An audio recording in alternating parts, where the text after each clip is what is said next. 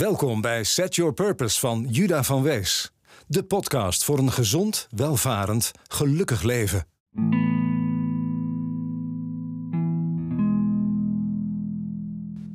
Welkom bij de podcast nummer 7. Fijn dat je weer luistert. Of fijn dat je misschien wel voor het eerst naar de podcast luistert. Daar ben ik erg dankbaar voor. En dankbaarheid is de vruchtbare bodem waarin alles groeit tot geluksgevoel. Voor wat ben jij vandaag dankbaar? Besef dat je nergens recht op hebt. Je huis, je auto, je vrijheid om gedachten te kiezen. Je hebt het allemaal, maar het kan zo weer weg zijn. Wees je daar bewust van en geniet bewuster van de aanwezigheid van deze dingen. En van de zon, de wind, de regen, de kou, de warmte, de stilte, de drukte, de drugs en de drank. Het laatste was een grapje. Maar als je het doet, geniet er vooral van. Dat is waar het leven om draait, wat mij betreft. Ik ben nu vooral dankbaar voor de discipline en wilskracht die ik heb, waardoor ik het doel dat ik nu ga beschrijven kon bereiken. Deze aflevering gaat over stoppen met roken. Mijn verhaal over hoe ik gestopt ben met roken. En om met dat verhaal te beginnen, neem ik jullie uh, een aantal, ongeveer drie maanden terug in de tijd in mijn leven. Hier komt het. Ik word wakker. Of wacht, wat is dat? Die mooie knop daar, wat staat daar nou? Snoes? Dat klinkt goed. Doen we. En dat doen we nog een keer, en nog een keer, en nog een keer. En één snoes duurt 9 minuten en we zijn inmiddels anderhalf uur later. Ik sta op uit bed en ik loop naar de keuken. De zomer is nu echt voorbij. Het is fris buiten. ik heb niks aan behalve mijn boxer. Maar ik wil wel roken. Ik rook nooit binnen, vertel ik mezelf. Maar rook voor de zoveelste ochtend op rij onder mijn afzuigkap. Lekker met een espresso erbij. Daarna loop ik naar de badkamer en ik neem een hete douche en als afsluiting laat ik wat ijskoud water over me heen glijden. Top, die nieuwe gewoonte. Ik ben gelijk wakker, ik voel me fit. En er zijn nog talloze andere voordelen van een koude douche. Ik ben fitter dan de meeste niet-rokers die ik ken, bedenk ik. En die vertellen me dat ik moet stoppen met roken. Ik raak mijn oordeelvrijheid wel eens kwijt en denk dan: stoppen jullie eerst maar eens met pizza, snoep en chocolade eten. En het zijn van een zuignap op je door je gewicht ingezakte bankstel.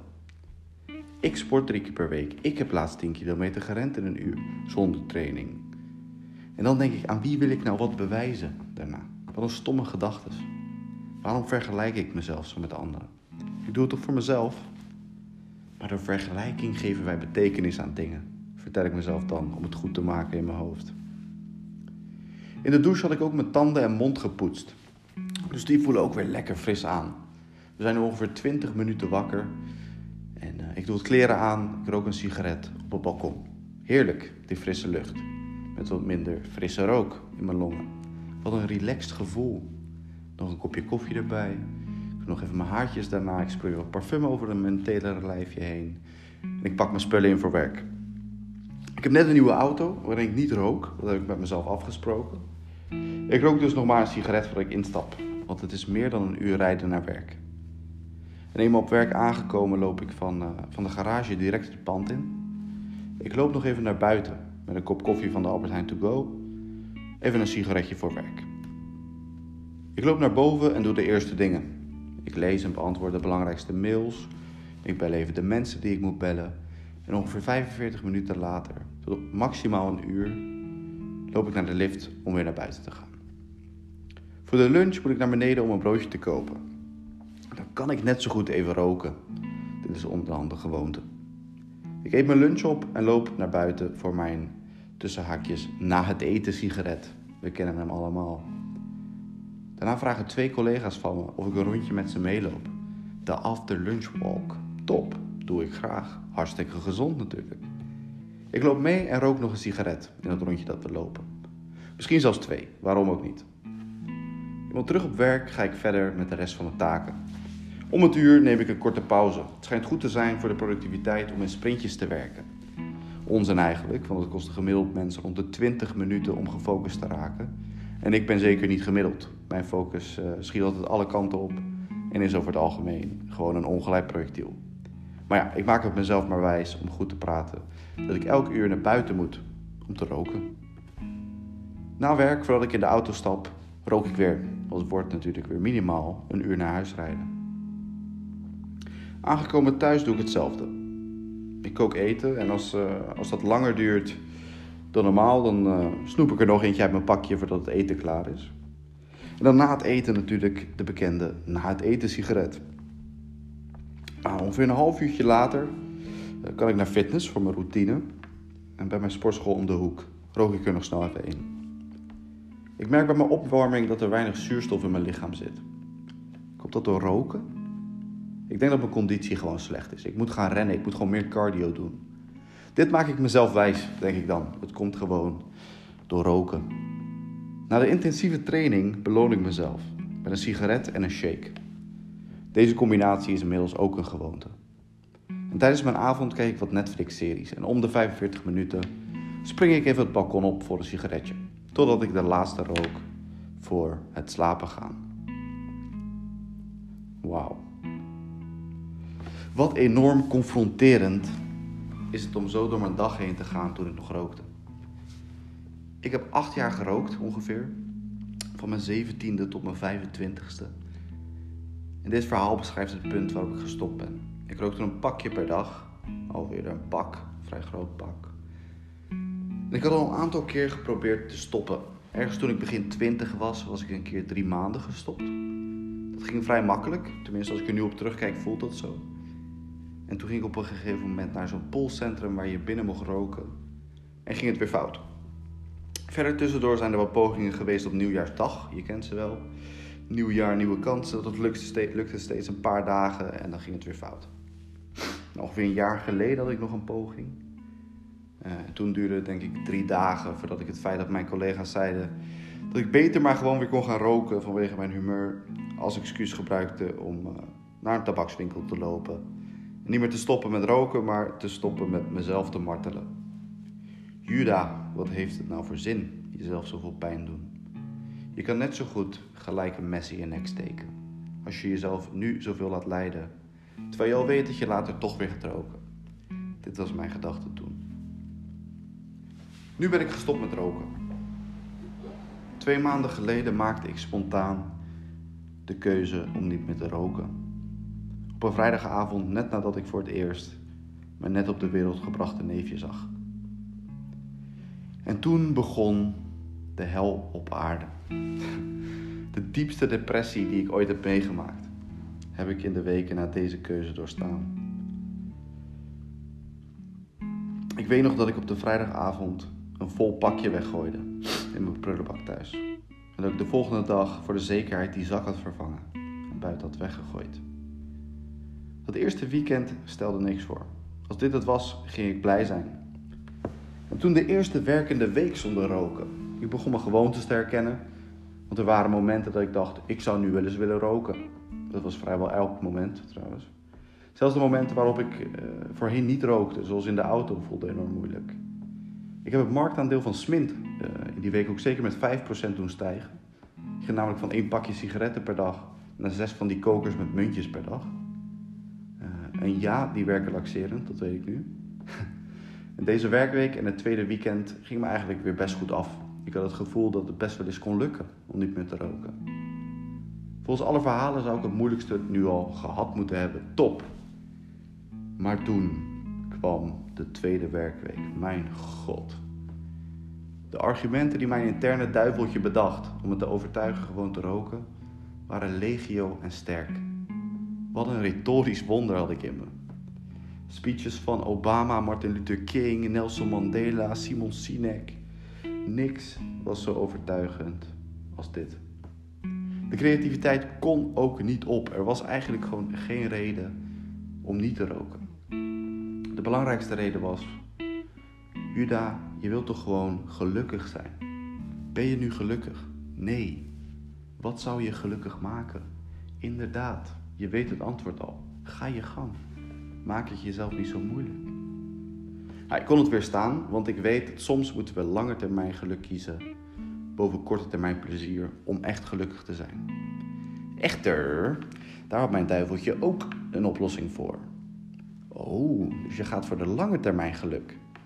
Hoe ziet dat eruit voor jou dan? Kijk eens naar al de mooiste momenten die je hebt meegemaakt. Was je toen toevallig aan het roken? Ik zag wijnbarren en terrassen voor me waar ik echt fantastische wijnen op had, met een sigaretje erbij.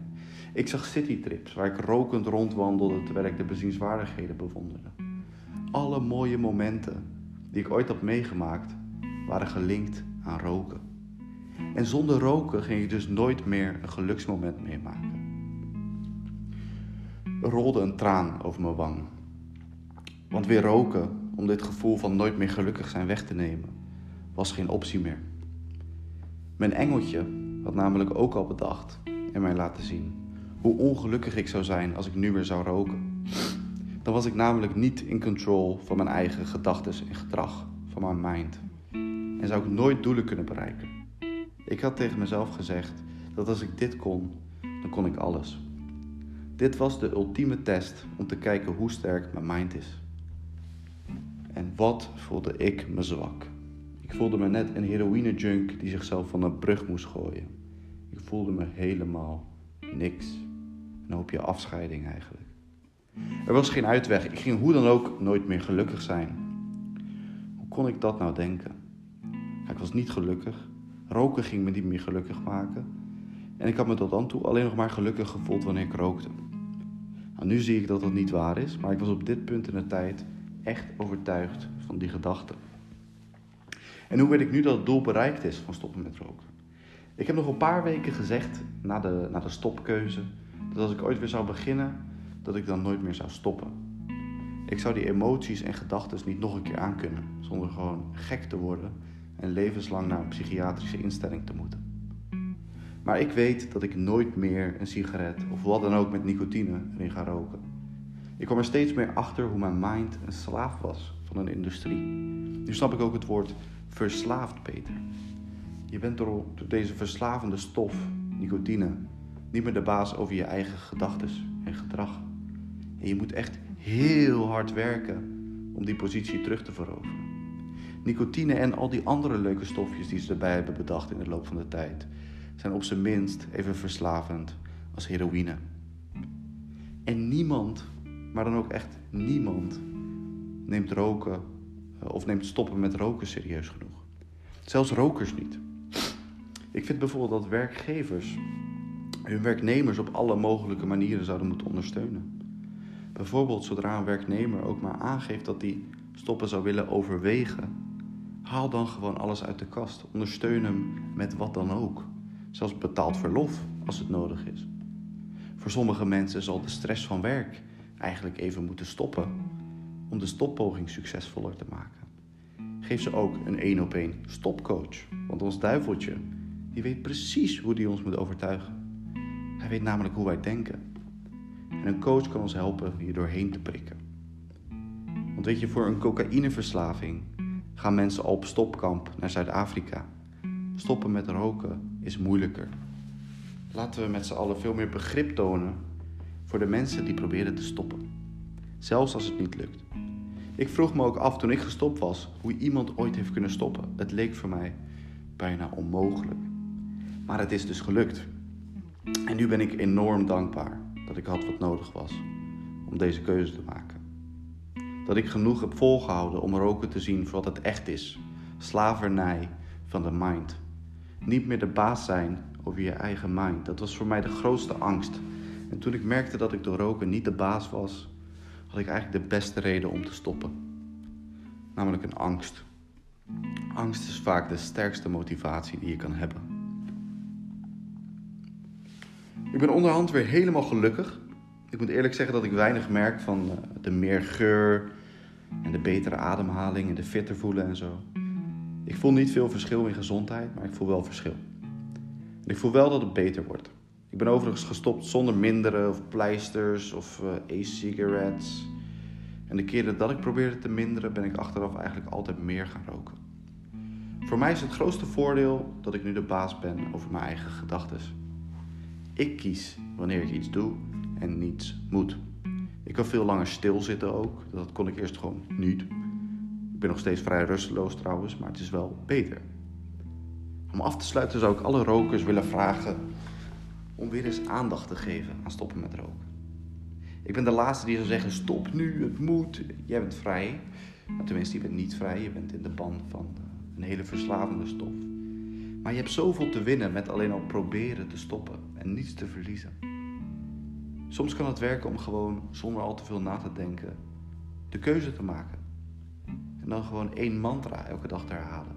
Ik ga nooit meer een sigaret aanraken. Programmeer je onderbewustzijn. Werk eens naar die 21 dagen toe die je nodig hebt om met herhaling je onderbewustzijn te programmeren. Ik ben geen roker. Ik kies voor een gezond leven. Herhaal het elke dag hardop. Ik ben geen roker. Ik kies voor een gezond leven. Dankjewel voor het luisteren. Mochten jullie naar aanleiding van dit onderwerp aanvullende vragen hebben, ga dan even naar de Instagram, apenstaartje Set Your Purpose. Eh, en stuur een berichtje.